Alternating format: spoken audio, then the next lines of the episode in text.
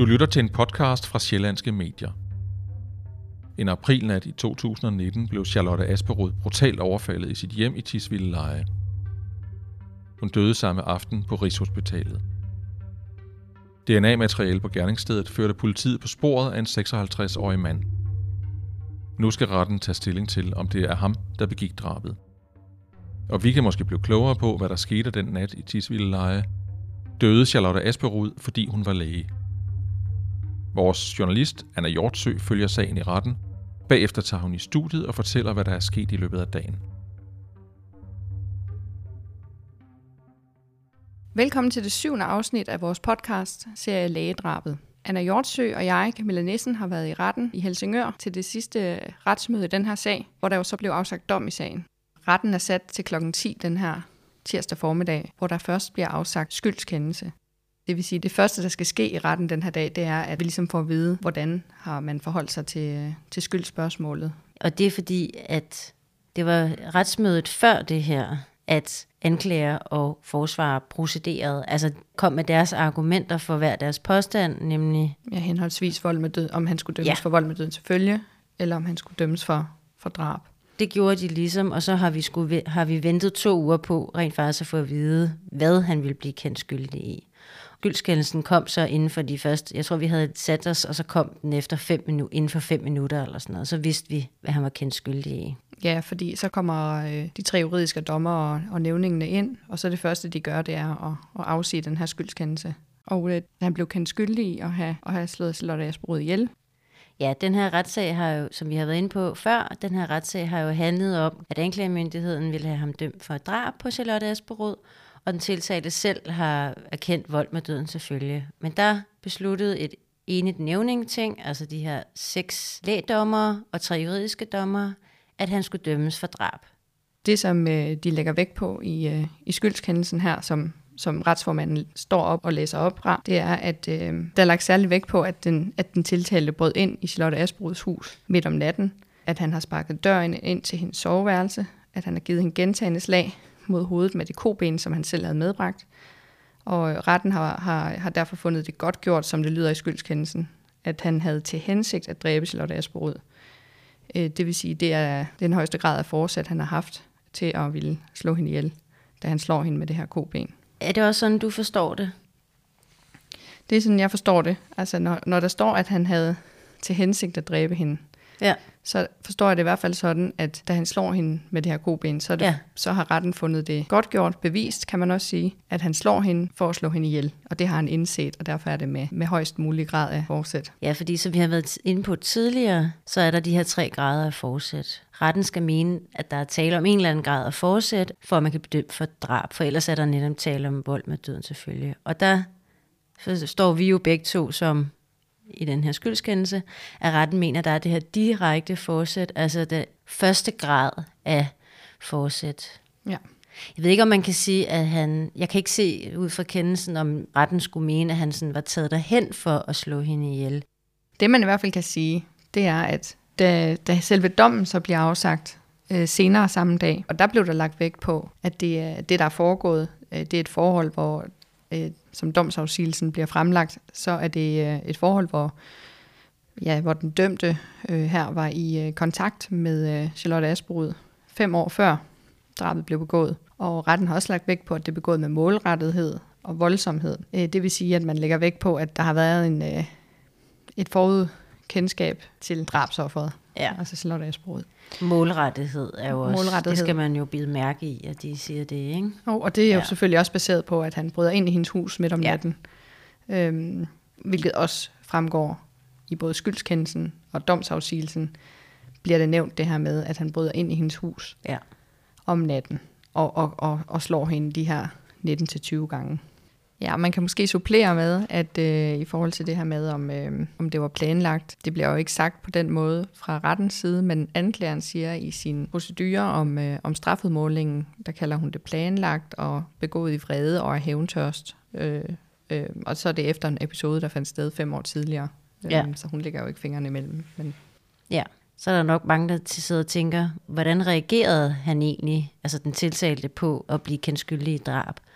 Og så vidt jeg kunne se, så sad han roligt, som han hele tiden havde gjort. Altså jeg opfattede ikke, at han ligesom reagerede på en anderledes måde, end den måde, han ellers har for det meste af tiden. Ja, han sad undervejs i, i, i retsmødet, sad han for eksempel og pillede lidt ved sit mundbind, og, og sad sådan og, og rørte lidt ved sin, øh, ved sin ene hånd med den anden hånd, og bare sådan fuldstændig, ja, ja forholdt sig fuldstændig roligt, som du siger. Ja. Så, og der var ikke den store reaktion at spore. Nej, der var jo også, som jeg har været inde på, der var også nogle andre anklagepunkter, hvor han jo selv har erkendt, der er nogle indbrud og teorier, og sådan, hvad kan man sige, mere i småtingsafdelingen, altså set i forhold til drabet.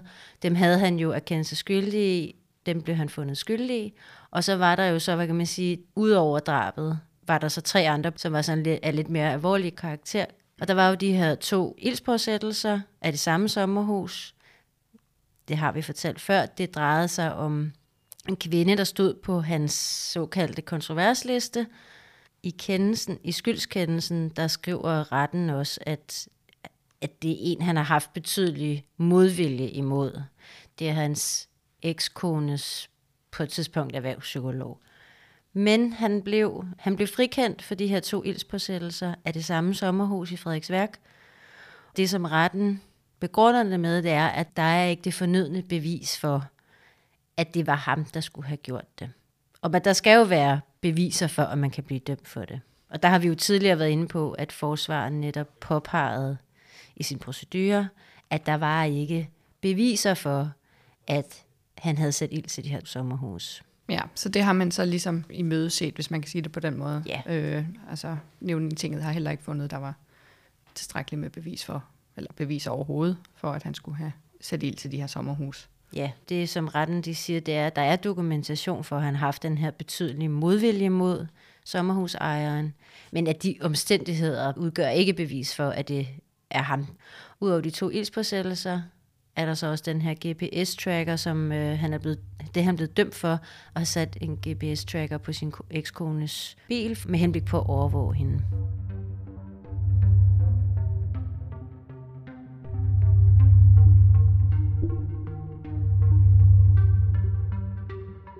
Så gik retsmødet jo egentlig videre. Ja, altså, der blev ikke holdt nogen pause, og så skulle øh, forsvar og anklager procedere om, om strafudmålingen. Ja. Nu vidste man ligesom, at han var kendt skyldig i drab, og så skulle først anklageren procedere for, hvordan hun så mente, at den, at den tiltalte skulle straffes for det, og det samme skulle forsvaren. Anklageren startede jo egentlig med at læse mentalerklæringen højt.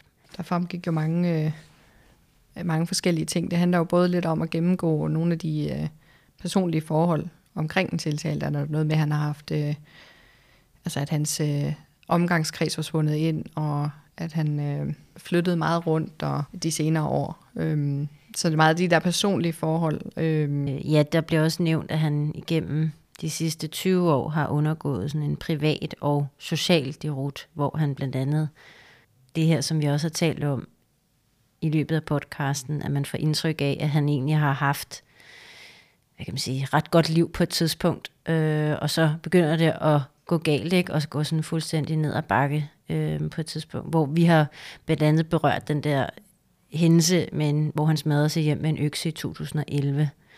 Øhm, det kan selvfølgelig godt være, at den der rute startede før. Altså, det virker som om, at han har også haft nogle problemer før det her. Men man kan sige, det er jo i hvert fald det, den derud, der leder op til, at han ender med at gå mor, ikke? Jo, og der er jo ligesom... Øh, altså, der er jo forskellige ting, øh, som vi har fået beskrevet af vidner indtil nu. Og nu er det så ligesom også den her mentalerklæring, som, Ja. som lidt øh, i fagtermer beskriver den her derud, der er foregået. Ja, fordi det er ellers noget, vi har fået indtryk af gennem de vidner, der har været i sagen, altså familie og venner, tidligere venner, hvor nu er det i virkeligheden altså fagfolk, der, der udarbejder sådan en her mental erklæring. Ja. Men ja, det er som du siger, de personlige forhold, og så foretager de jo også en eller anden vurdering af hans personlighed, eller om han er psykisk syg. Altså det vurderes jo, at han, øh, at han ikke har været øh, sindssyg i gerningsøjeblikket, og at han ikke øh, generelt heller ikke lider af sindssygdom. Til gengæld så øh, har han nogle, han har nogle psykiske problemer, og han har også øh, undervejs været, øh, været fuldt af en, af en psykiater blandt andet. Øhm, men han har ikke, øh, heller ikke nogen tegn på psykose ved den her undersøgelse. Til gengæld så har han nogle tegn på personlighedsforstyrrelser. Det er blandt andet så- sådan noget som overfølsomhed, øget krænkbarhed, tendens til projektion, bagatellisering, afvigende personlighed med narcissistiske træk. Han fremstår også med paranoide og dyssociale træk, og at hans alkoholmisbrug, som vi jo også har hørt om fra vidner, også påvirker hans personlighed og hans dømmekraft. Ja, der bliver nævnt også i mental erklæring det her med, at han har haft sådan et accelererende misbrug af alkohol, og at det går ind og påvirker hans person og dømmekraft. Og det er jo også det, som for eksempel hans datter, den tiltaltes datter, har fortalt som vidne, at han blev en anden, at hun ikke kunne genkende ham, når han drak. Ja. Og det her med, at han har vanskeligt ved at slippe krænkelser ifølge mentalerklæringen, det hænger jo også sammen med hans egen forklaring om, at da han er på hospitalet 2014, der hvor han er under behandling af Charlotte Asperud, så følte han det som et overgreb. Altså behandling af ham følte han som et overgreb. Det passer jo også med det, kan man sige. Han har jo følt sig krænket. Øhm, særl, altså han sagde, at det, det her med, at han, lige pludselig så fik han en sprøjte i ballen, og så vågnede han op på den lukkede afdeling. Og han havde jo fortalt, at han havde en opfattelse af, at det var Charlotte Asbrud, der havde ordineret den her sprøjte, altså bedøvelse, ikke? Ja, og det er så i hvert fald noget, han husker fem år senere, kan man sige. Ja, og det er jo så åbenbart også noget, der ligesom er, kan man sige, øh, generelt gældende for ham, øh, må man tro ud fra den her mental erklæring, ikke? hvis øh, han generelt har svært ved at slippe krænkelser. Og det sagde han jo også selv, at det havde fulgt ham, den her indlæggelse. Ja, noget som anklageren i hvert fald lagde vægt på, det var det her med, at han havde, altså i hendes procedure, hun trak det her frem for mentalerklæringen med, at han havde sådan en, den her med, at han har en intens kronisk vrede, og har en svækket affekt- og impulsregulering, især i forbindelse med misbrug. Og det her med en let krænkbar, og har en tendens til, til det, man kalder prominering. Det er jo ikke et ord, som vi normale mennesker ved, hvad betyder, men det anklageren for, forklarede, det var, at ved det skal man så forstå, at det er, at han tykker drøv på negative oplevelser, altså at dvæler med en bestemt negativ tanke. Og det passer jo, man kan man sige, at karakteren af det her drab, nemlig det bliver begået fem år efter, at han overhovedet, og den eneste gang, han har mødt drabsofferet Charlotte Asperud, ikke? Jo, og også den her øh, liste, som vi har kaldt øh, kontroverslisten, som ja. han også selv har forklaret, har været en liste over mennesker, han har haft en kontrovers med. Øhm, det er i hvert fald også måske noget af det, der, som det giver sig udslag i, at han har den her, han har svært ved ligesom at slippe sin vrede over for, øh, for nogle mennesker, der, som han føler har, har krænket ham, eller har gjort ham noget. Ja, han fortalte jo selv, at den her liste var lavet over lang tid. Og man kan sige, at politiet finder den jo i 2019 på hans computer. Og der er i hvert fald hende her, erhvervspsykologen, som ekskonen kendte. Altså det her med, at han var utilfreds med, han mener, at hun har spillet en rolle i forhold til den der skilsmisse. Det er noget, der er foregået en del år før 2019, der hvor han bliver anholdt. Ikke? Så man kan sige, altså han er personlighedsforstyrret, og det bliver så beskrevet i sammenhæng med, at han jo har, har haft problemer i forhold til sit sociale liv også. Ikke? Jeg tror også, de sagde, at han havde været indlagt flere gange. Ja, og man kan sige, at det der også øh, fremgår, det er, at det er noget, der ligesom indtræder i hans voksenliv. Øh, ja. Altså at han får de her psykiske problemer, eller hvad man nu skal kalde det, misbrug og så videre. Altså at indtil 30'erne, eller indtil midt i 30'erne, der, øhm, der har han faktisk ikke nogen psykiske problemer, og har også en, øh, en helt normal opvækst, der har gennemfører en øh, almindelig skolegang, og er i arbejde indtil 2012, øhm, hvor efter det så, der sker nogle forskellige ting, og hvor ja, han så ender med at have det her misbrug øhm, ja. og psykiske problemer. Mentalerklæringens konklusion er faktisk, at, at de vurderer ikke, at øh, forvaring er påkrævet. Ja, det øh. er, det er den retspsykiatriske klinik, der laver selve mentalerklæringen de anbefaler ikke, at han kommer i forvaring frem for en tidsbestemt fængselsstraf. Og anklageren, hun, øh, hun fremsætter jo alligevel en, øh, et krav om, at han skal idømmes forvaring. Og det gør hun blandt andet på baggrund af retslægerådets vurdering af sagen.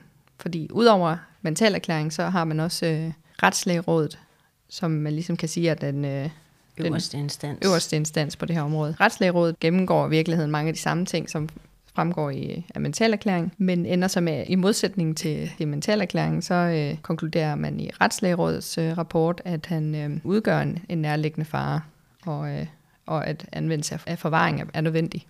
Og forvaring, det er jo det er ikke en fængselsstraf på den måde. Det er i virkeligheden en foranstaltning, som skal sørge for og beskytte samfundet mod den nærliggende fare, som den dømte udgør.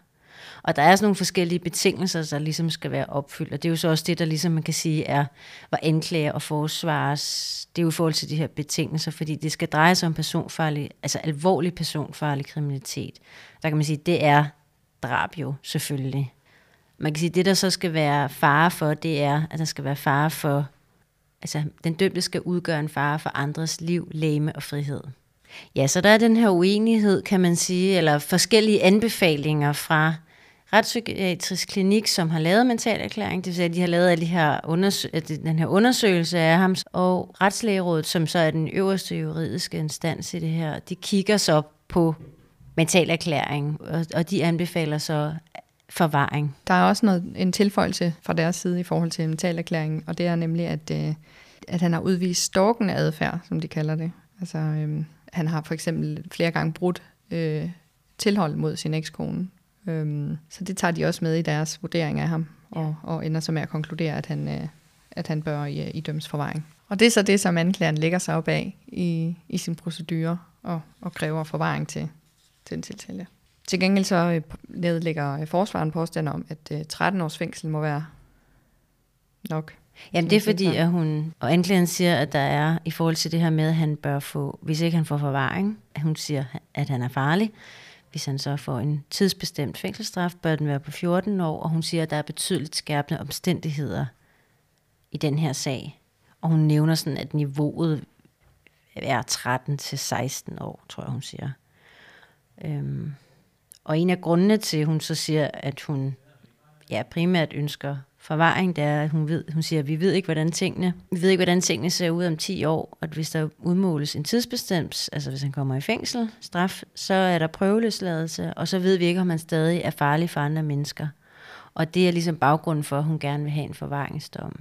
Ja, hun kalder det faktisk en sikkerhedsventil øh, mm. mod at slippe en fortsat farlig person ud i friheden. Altså en forvaringsdom er en øh, en sikkerhedsventil ja. for samfundet. Ja, så man er sikker på, at han ikke øh, er på fri fod, kan man sige. Når, øh, hvis han stadig er farlig om, ja. om ikke antal år. Ja. ja.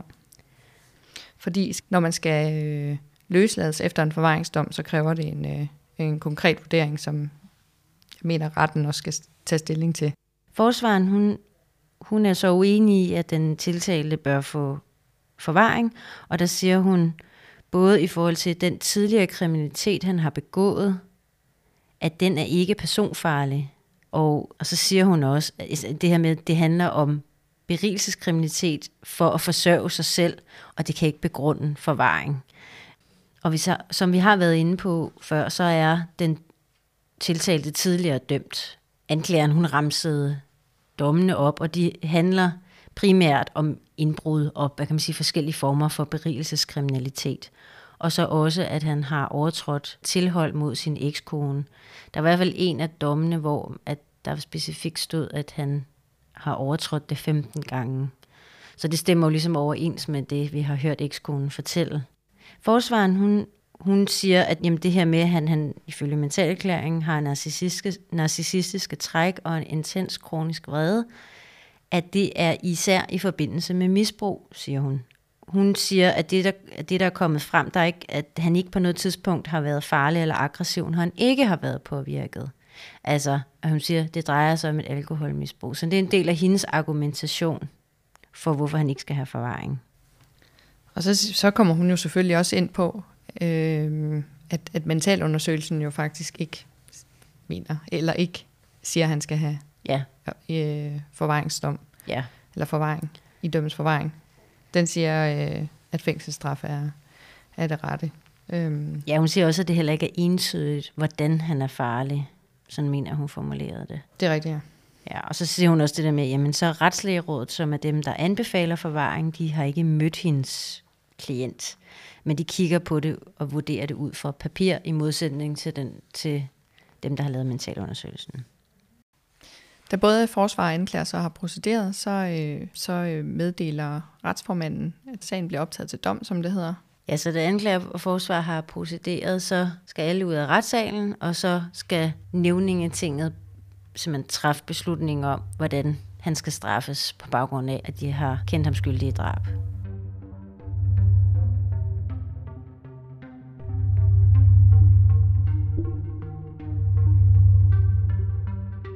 Og vi vender så tilbage et par timer senere. Vi kommer alle sammen ind, vi står alle sammen op, også øh, retsformanden og nævningen, alle sammen, også den tiltalte. Og så øh, fortæller hun så, at øh, de kendes for ret, som man siger, når der afsiges dom, at øh, den nu drabsdømte, kan vi så kalde ham, Timo Jutilainen Nellemose, at han idømmes øh, forvaring. Han øh, reagerer ikke sønderligt på det her.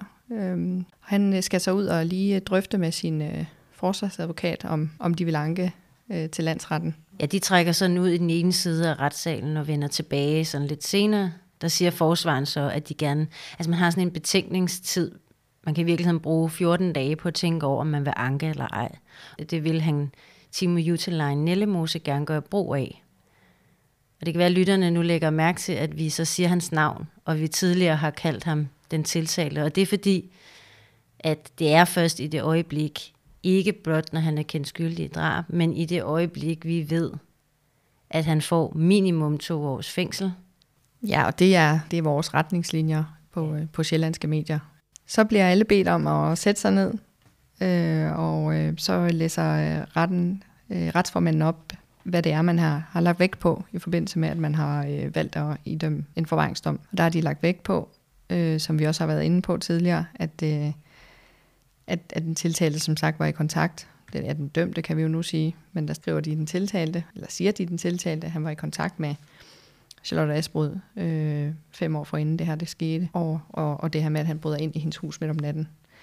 De har også øh, kigget på, øh, på nogle af de her oplysninger fra, øh, fra mentalerklæringen, og øh, de har også lagt vægt på vidneforklaringer og andet dokumentation, der er kommet frem i retten, siger retsformanden, da hun, da hun læser dommen op. Og de har øh, kigget på, at øh, retslægerådet har sagt, at tiltalte har en tendens til at være let krænkbar og ikke, har kunne, øh, ikke kunne give slip på, hvad der er sket i fortiden, og har udvist stalkende adfærd.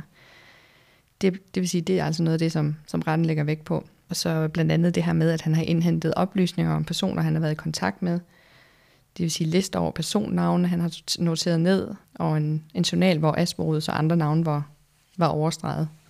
Ja, så nogle af de her ting, som har fyldt igennem retssagen, og nogle af de her ting, som vi også vidste, før retssagen overhovedet gik i gang, er faktisk noget af det, som nævningetinget begrunder forvaringsdommen med. Altså blandt andet bør han få forvaring, fordi han har det, som vi har kaldt kontroverslisten, han har streget navne under i journalen. Altså nogle af de her ting, som vi har været inde på i løbet af sagen.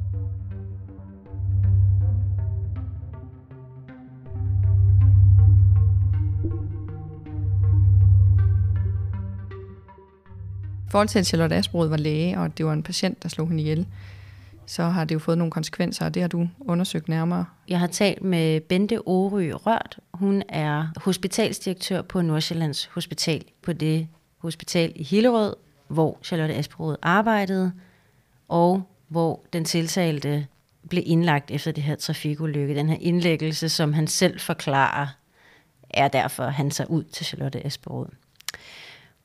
Hun fortæller, at den her sag har haft meget stor betydning for dem på hospitalet.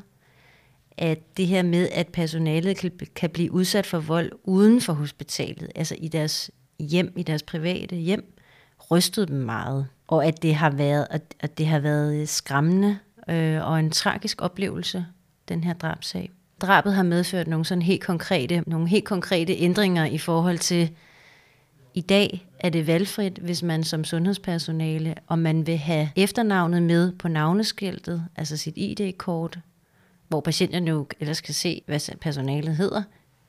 Der fortæller hun, meget personalet har fravalgt at have efternavn på navneskiltet.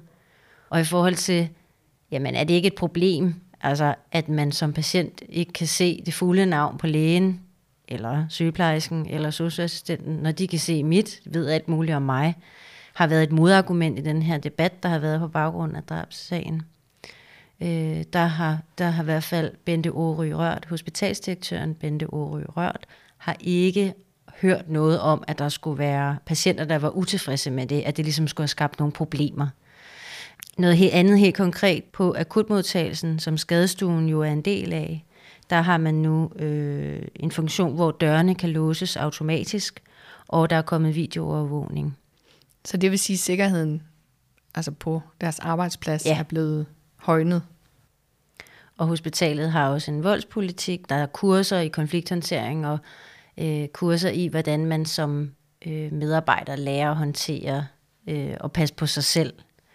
Man kan sige, men det her med at højne sikkerheden på akutmodtagelsen, det handler jo om, når man er på arbejde. Man kan sige, der er, altid, der er måske altid sundhedspersonale, der er blevet man kan sige, opsøgt eller chikaneret i deres fritid uden for arbejdspladsen.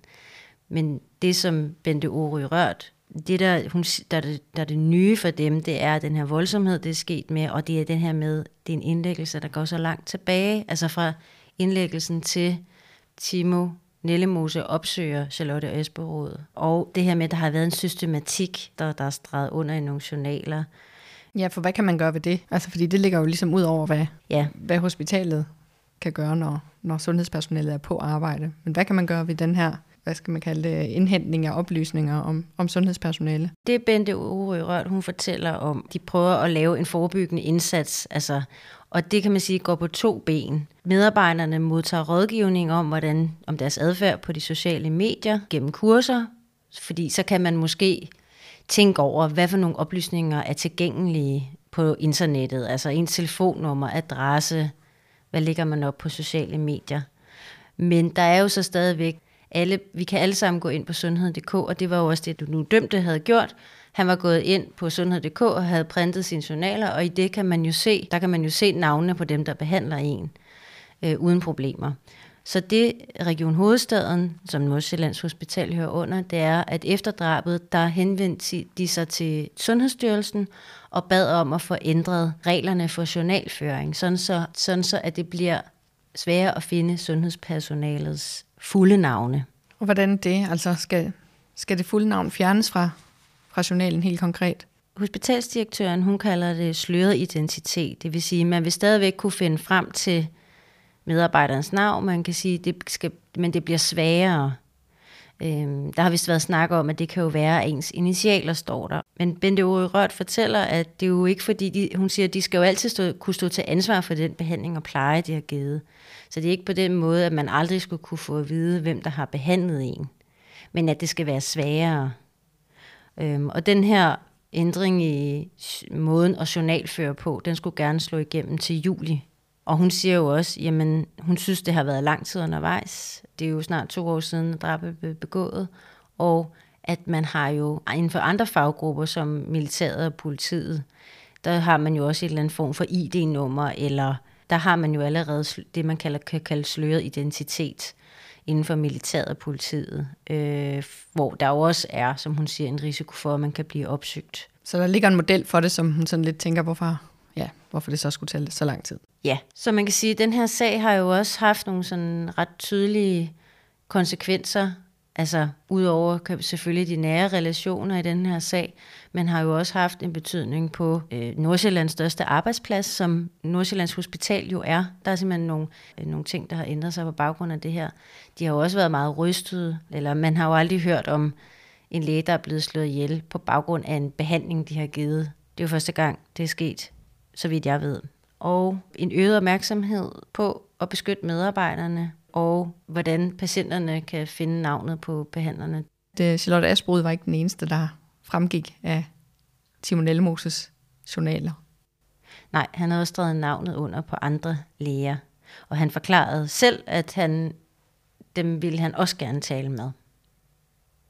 Ja, og den her sag har så ikke kun haft betydning på lokal, kan man sige, Nordsjællands Hospital, men har jo også haft en konsekvens landsdækkende, at man har simpelthen ændret den bekendtgørelse om journalføring, altså reglerne for journalføring, at den er, giver mulighed for, at sundhedspersonalets identitet kan være sløret. Det var jo sådan set egentlig det syvende og sidste retsmøde i den her sag. Ja, det eneste spørgsmål, der står tilbage nu, det er, om uh, Timon Elmose, han uh, anker sagen til landsretten. Ja, og det ved vi, det skal han jo så gøre inden for to år efter domsafsigelsen. Og hvis han så vælger at gøre det, jamen så vender vi selvfølgelig tilbage her i podcasten med et ekstra afsnit og dukker op i landsretten, hvis sagen skal tages op igen. Du har lyttet til en podcast fra Sjællandske Medier.